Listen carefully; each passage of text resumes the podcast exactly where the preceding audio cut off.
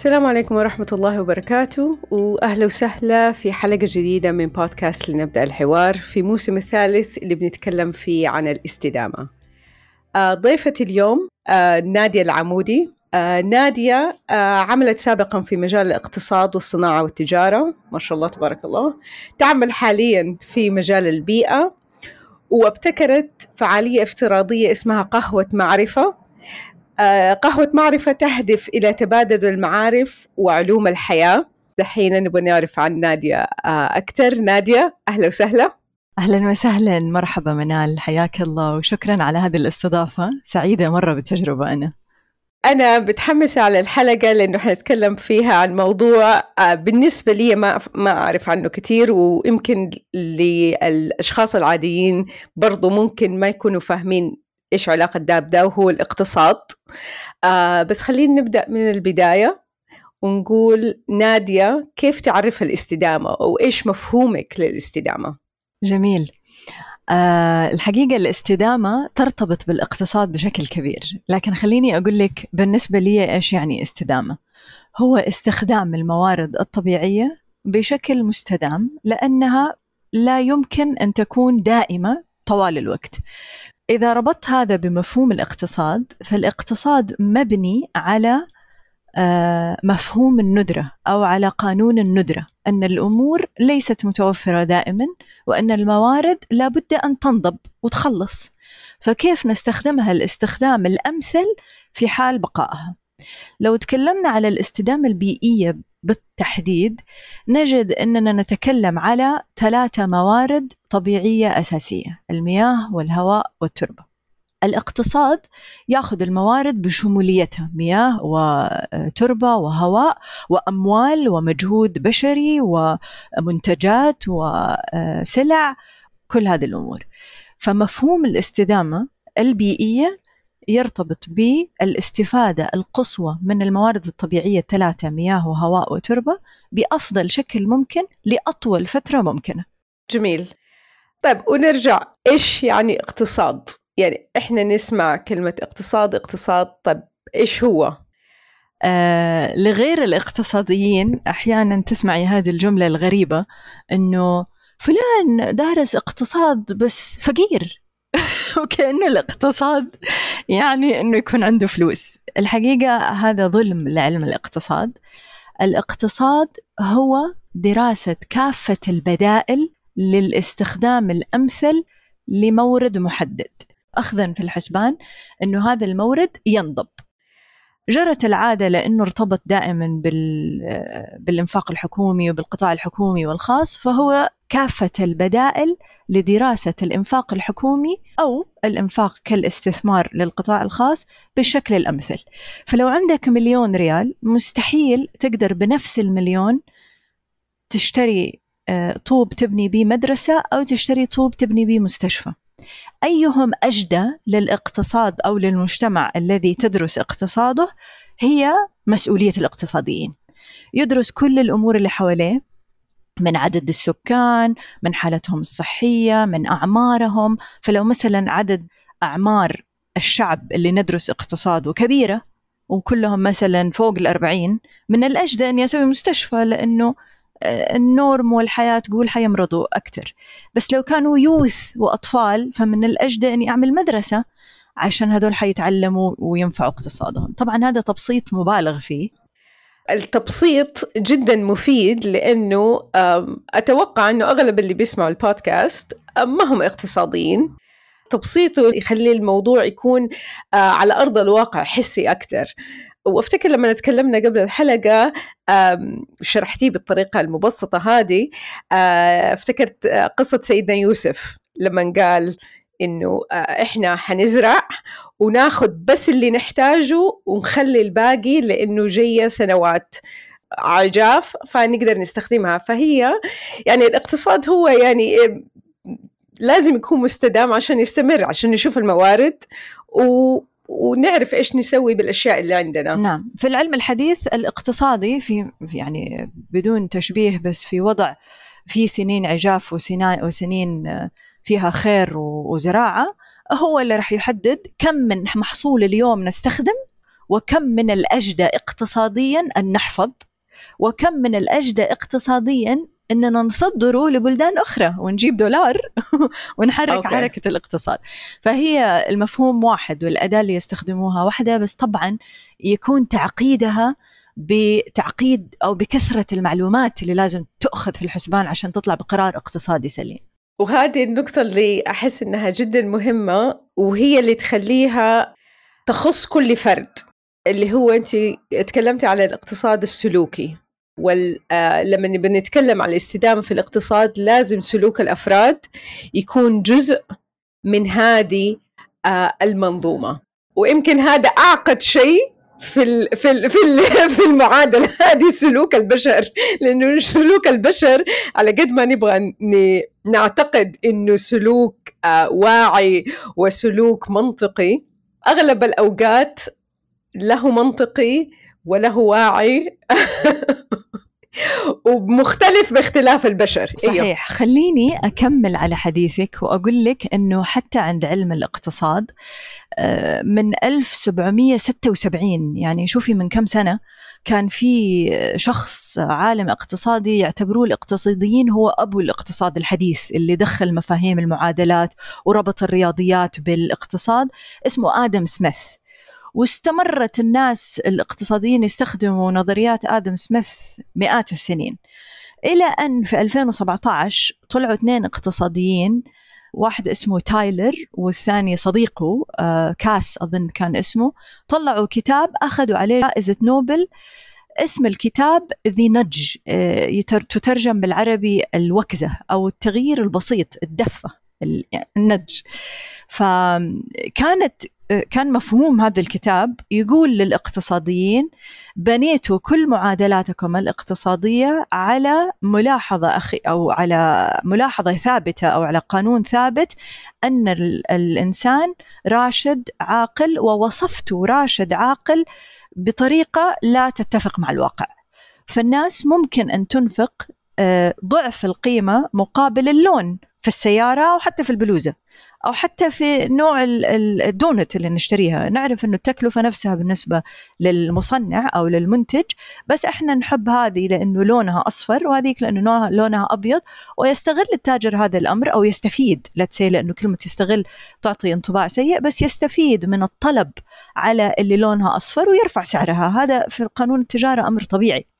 فهم يقولوا نج كتبوا الكتاب للإقتصاديين آه، لابد أن تعيدوا من النظر في قوانينكم أو أن تستخدموا سلوك الناس لتحسين النتائج الاقتصادية. آه، أنا الحقيقة في قطاع البيئة أقول أنه أيضا قطاع البيئة له مؤشرات تقيس استدامته تقيس مدى استخدام البشرية بكل أنواعها ل أو التعامل البشري مع الموائل الطبيعية الثلاثة اللي هي مياه وتربة وهواء. ولو غيرنا سلوك الناس بنضج بسيط قد نجد نصل إلى آه، استدامة أكبر في موضوع الموائل الثلاثة. آه، في العديد من الأمثلة الحقيقة اللي طرحوها الشباب الاقتصاديين على علم الاقتصاد واللي اللي هي يعني ترتبط مثلا بالتكلفة المادية وبالدولار اللي يدور في المنطقة وممكن إحنا نعكسها على نضج لقطاع البيئة ويغير في سلوك الناس. آه خليني أعطي مثال آه مذكور أيضا في الكتاب على كيف التغيير البسيط في سلوك الناس يؤدي إلى نتائج أفضل. وخلينا نفكر أنا وإنتي بعد هذا المثال كيف ممكن نستخدم هذا النضج على آه، تغيير سلوك الناس تجاه المياه والتربة والهواء. المثال يقول إنه في دولتين أعتقد كانت كندا وأستراليا في كندا إذا خرجت سألت الناس في الشارع ما هو توجهكم أو قناعاتكم أو فكرتكم تجاه التبرع بالأعضاء؟ ستجد إنه 97% من الناس تقول أنا مستعد أتبرع بأعضائي إلا إنه المسجلين رسميا في في آه وثائق الدولة المتبرعين بالأعضاء لا يتجاوزوا 3% لو سألنا في أستراليا نجد أنه العكس تماما لو خرجت سألت الناس ما هو توجهكم تجاه التبرع بالأعضاء قد تختلف الإجابات ما بين يس ونو إنما الموجود في الوثائق الرسمية أنه 98% من الناس مسجلين بأنهم سيتبرعوا بالأعضاء. إيش الفرق بين الدولتين المناطق المختلفة في في هذا المجتمع؟ إنه في كندا by default الناس هي غير مسجلة من ضمن المتبرعين في الأعضاء إلا إذا راحوا وطلبوا إنهم يكونوا من ضمن المسجلين في الأعضاء بالتبرع بالأعضاء. في أستراليا الناس by default هي مسجلة إنها متبرعة بالأعضاء ولها كامل الحق أنه تخرج من هذا التسجيل. فأنا كأسترالية لا أريد أن أتبرع بالأعضاء. أروح أدخل ال website أسجل اسمي وبياناتي يوصلني كود على الجوال أستخدمه ك verification أو آه، يعني تأكيد أنه أنا صاحب هذا الحساب. وأقول أنا شيلوا اسمي لا أريد أن أتبرع بالأعضاء. في كندا عشان تدخل عالم التبرع بالأعضاء أو قائمة المتبرعين تدخل website توصل لك رسالة على الجوال يصير ال verification وتسجل نفسك. هذا ال process على الرغم من بساطته جدا إلا إنه اثر على نتيجة عالية جدا. صح.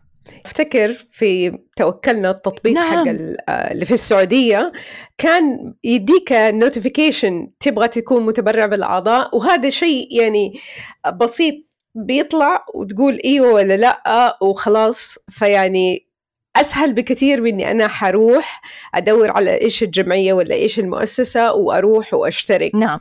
هذا ما كنت حكمله الحقيقة. في في كندا إيش عملوا؟ في كندا آه، راحوا شافوا كيف ممكن نحسن هذا الرقم أو هذه النسبة.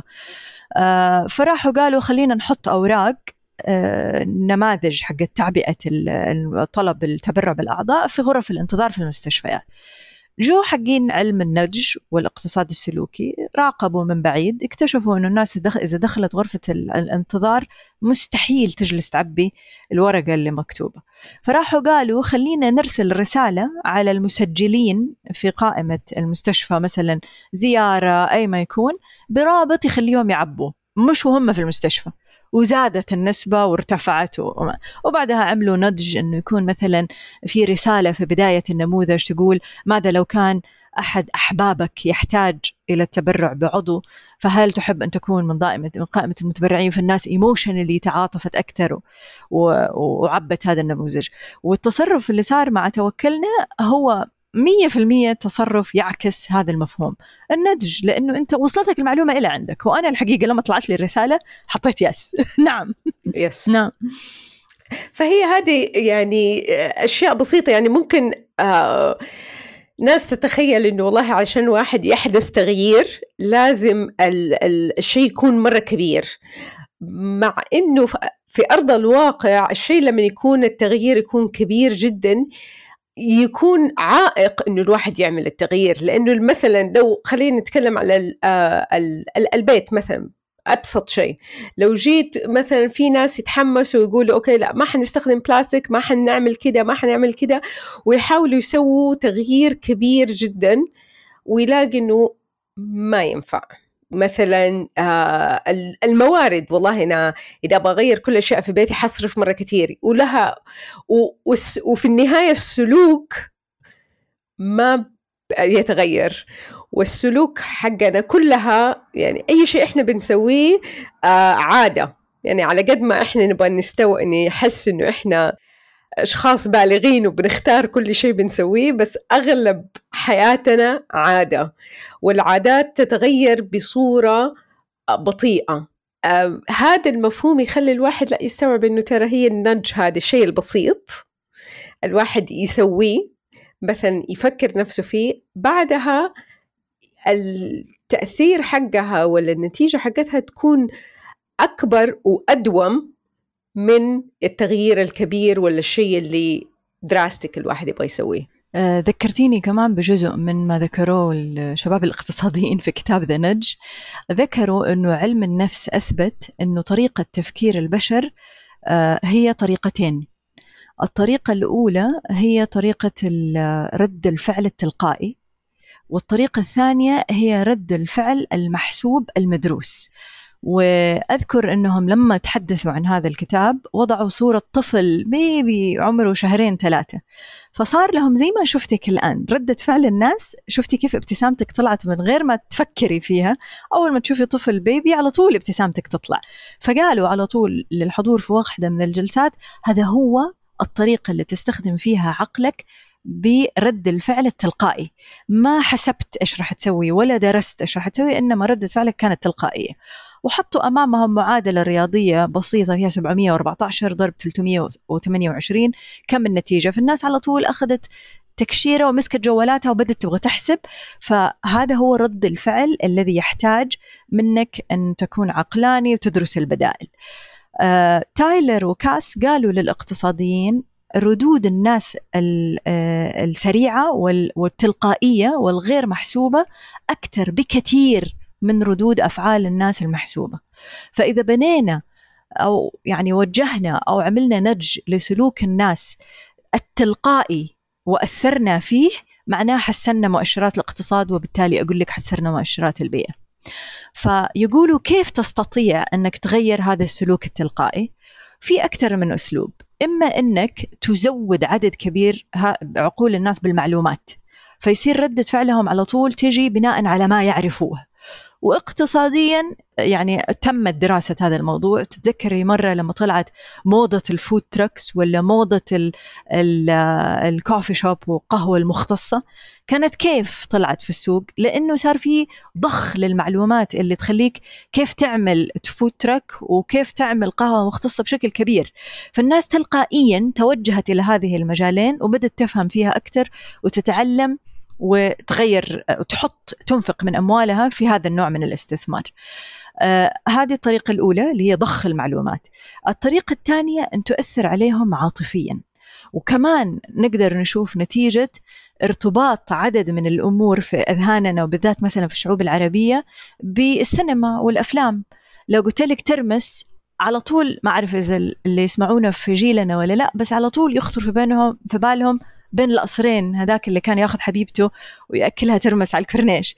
لو قلت لك مثلا كستنة على طول حتخطر في بالك المسلسلات التركية اللي فيها التعبير عن الحب بخلال إنه ياخذها وياكلوا ابو فروه مشوية على في عز البرد. فالتأثير على سلوك الناس وقناعاتهم ممكن يجي من خلال آه، دق أو النج على عاطفتهم.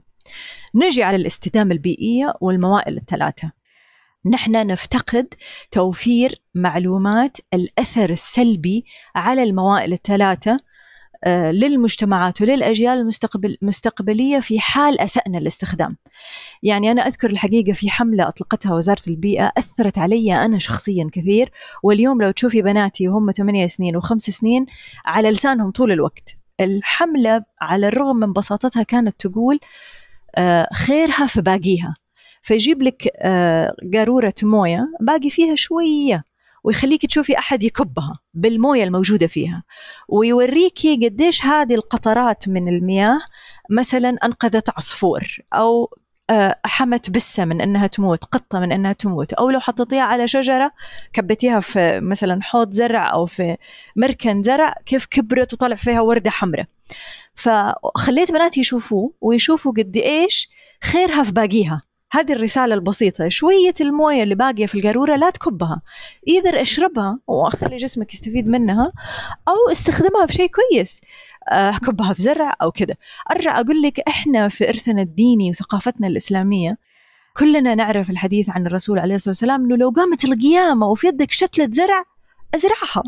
فكمانها غرسها. فهذه كمان من ضمن الرسائل اللي نقدر نغير بها سلوك الناس تجاه الموائل البيئية الثلاثة هواء وتربة ومياه الصورة آه، بالنسبة لي واضحة آه، جدا وخلتني أبدأ أفكر طيب إيش الواحد يقدر يسوي؟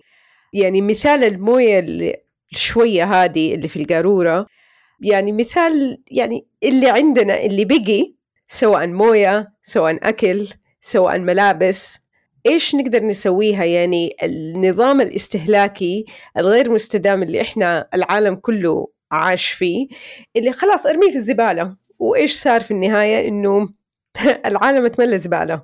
نعم صح. يعني بدل ما أكب الأشياء كيف أقدر أستفيد منها؟ بس كيف نقدر ندي نج للناس إنه يبدأوا يستوعبوا إنه ترى كل الأشياء اللي بتسووها لها أثر. هل الأثر يعني سلبي وبيستهلك الموارد في غير محلها ولا أثر بيكمل حياته وأحد تاني يستفيد منه والأحد الثاني هذا مش ضروري يكون آه، شخص ممكن يكون نبات حيوان التربة نفسها؟ صح. حرجع لك لموضوع النج اللي تكلموا فيه بما إنه حديثنا اليوم عن الاقتصاد السلوكي. وحقول لك هذول الشابين كتبوا كمان في أحد المراجع من في كتابهم ترتبط بعلم النفس وعلماء النفس ونتائجهم إنه ارتباطات التفكير عند الناس تعتمد على ثلاثة توجهات أساسية. هي اللي لازم نستخدمها في تغيير سلوكهم تجاه آه الاستدامة البيئية. هذا الجزء برأيي. الناس متفائلة بشكل آه كبير. يعني طول الوقت الناس متوقعة أنه الموية ما حتخلص وأنه الهواء دائما نظيف وأنه التربة دائما حتعطيني خير. متفائلين. والناس توجعها الخسارة. فلو إحنا حطينا رسالة آه تأخذ في الحسبان تفاؤلهم وتوضح لهم خسارتهم. يعني لو أكدنا قديش الخسارة على أولادنا أو أولاد أولادنا لما نضر الهواء اليوم ونترك الانبعاثات بدون كنترول ويجي عليهم يوم لا يجدوا هواء نظيفا ويمرضوا بشكل أكثر ويدخلوا مستشفيات وتصير أمراض الربو بشكل أكبر.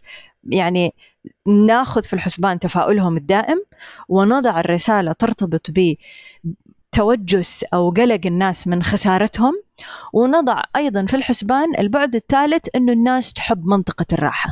لو أسهل علي أعبي المقاضي في أكياس بلاستيك فأنا راح أعبي الأكياس بلاستيك.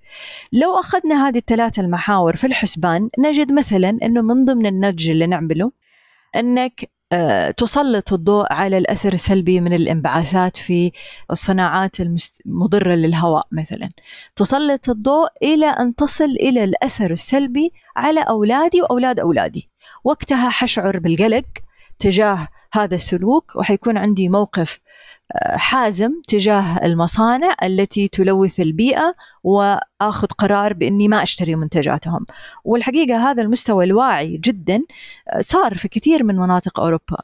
فأنا كنت برضو في رحلة عمل literally في بداية شهر June أو آخر May في السويد. واكتشفت إنه في ستوكهولم في ثقافة ما بين الناس إنهم لما ياخذوا المنتج يدوروا على كذا زي شعار ورقة خضراء أنه متوافق بيئيا وإنه صناعته ما تضر الهواء والمياه والتربة فيقبلوا على شرائه بشكل أكبر حتى ولو كان أغلى شوية. بس لأنهم أخذوا القناعة اللي تقول إنه الاستدامة هي تصرف مجتمعي كامل مسؤولية تقع على الأفراد وعلى المنتجين وعلى المصنعين وعلى الدول وعلى الحكومات. فالدولة طلعت هذا الشعار اللي هو الورقة الخضراء آه، يوضع على المنتجات لتشهد أنها تتفق آه، عملية إنتاجها مع معايير البيئة.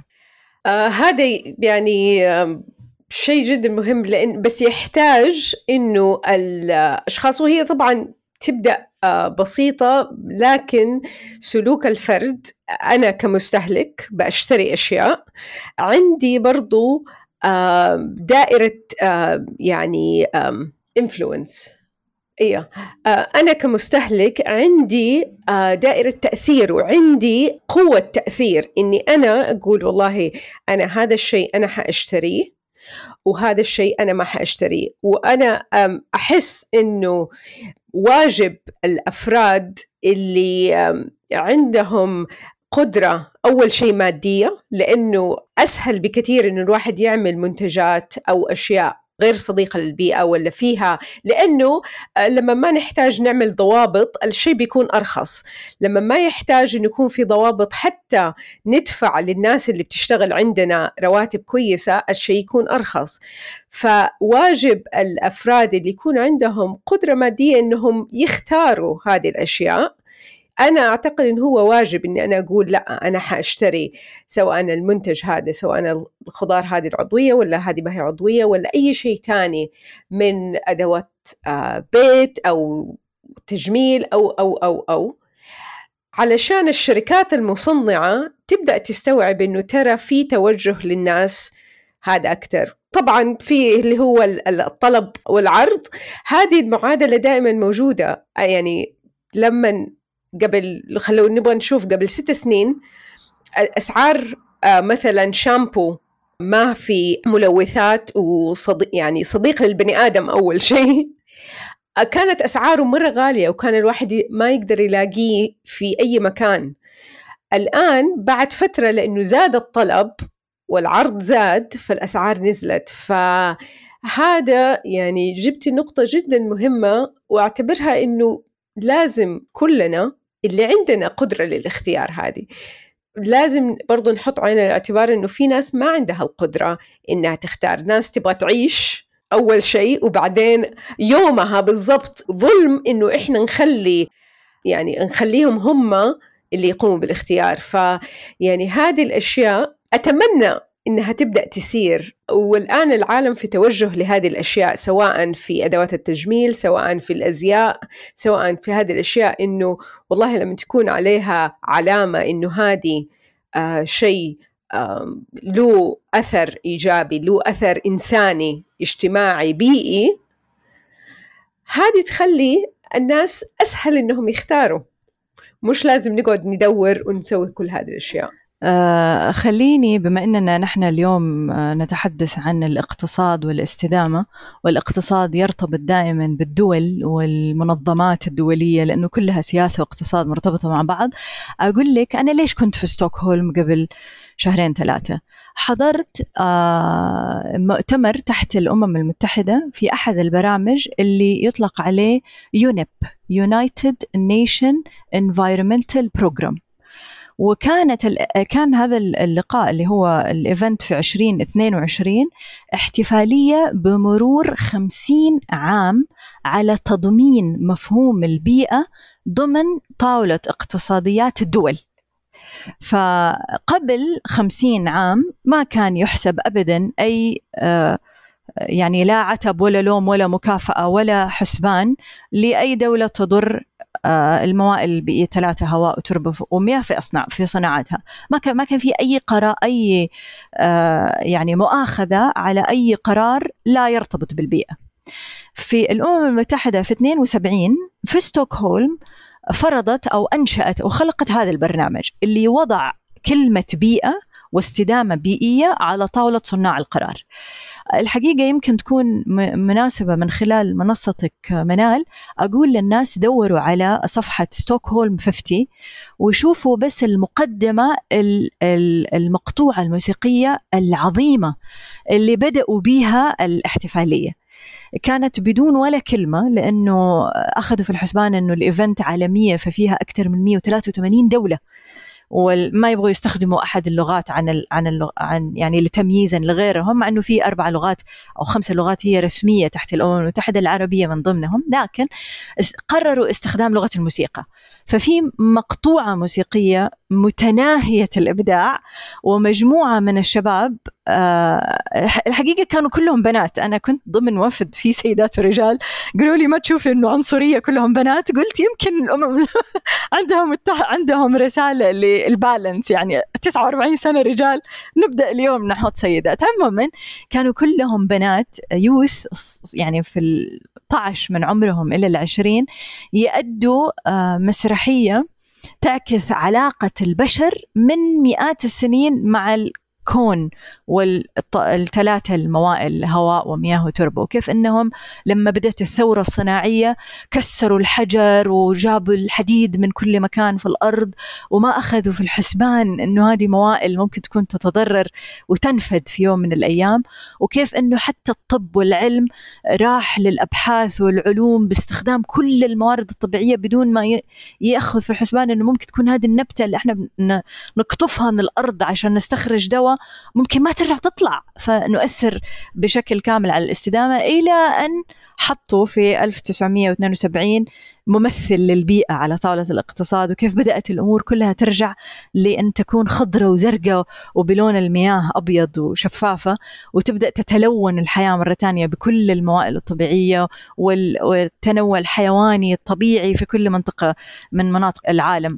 فأرجع أقول لك الكونسبت اللي بتقوليه موجود على طاولة آه، الدولية واللي أهمها أو أحد أهمها هو الأمم المتحدة اللي عندها مؤشرات لقياس مدى التزام الدول التي وقعت على الاتفاقيات آه، إنها تكون ملتزمة بها. وإحنا في المملكة ترى يعني بحكم قرب عملي من هذا القطاع آه، أبصم بالعشرة على توجه يعني أخضر وصديق للبيئة على أعلى المستويات. إذا ولي العهد بنفسه الله يحفظه. والحكومة متبني مبادرتين على مستوى العالم السعودية الخضراء والشرق الأوسط الأخضر عشان آه، نستهدف زيادة الغطاء النباتي وزيادة التخضير والتشجير والحد من الملوثات للهواء وحماية المياه بكل الأوساط بحر وأرض. كمان نسلط الضوء على أنه عندنا اليوم استثمارات ضخمة باسم الدولة في آه، البحر الأحمر. وأمالة وهذه المنشآت اللي سلطت الضوء ونيوم اللي سلطت الضوء على أن السعودية هي أحد الدول الملتزمة بيئيا أمام العالم. حرجع أقول لك كمان المعادلة على مستوى الدول ما هي دائما سهلة.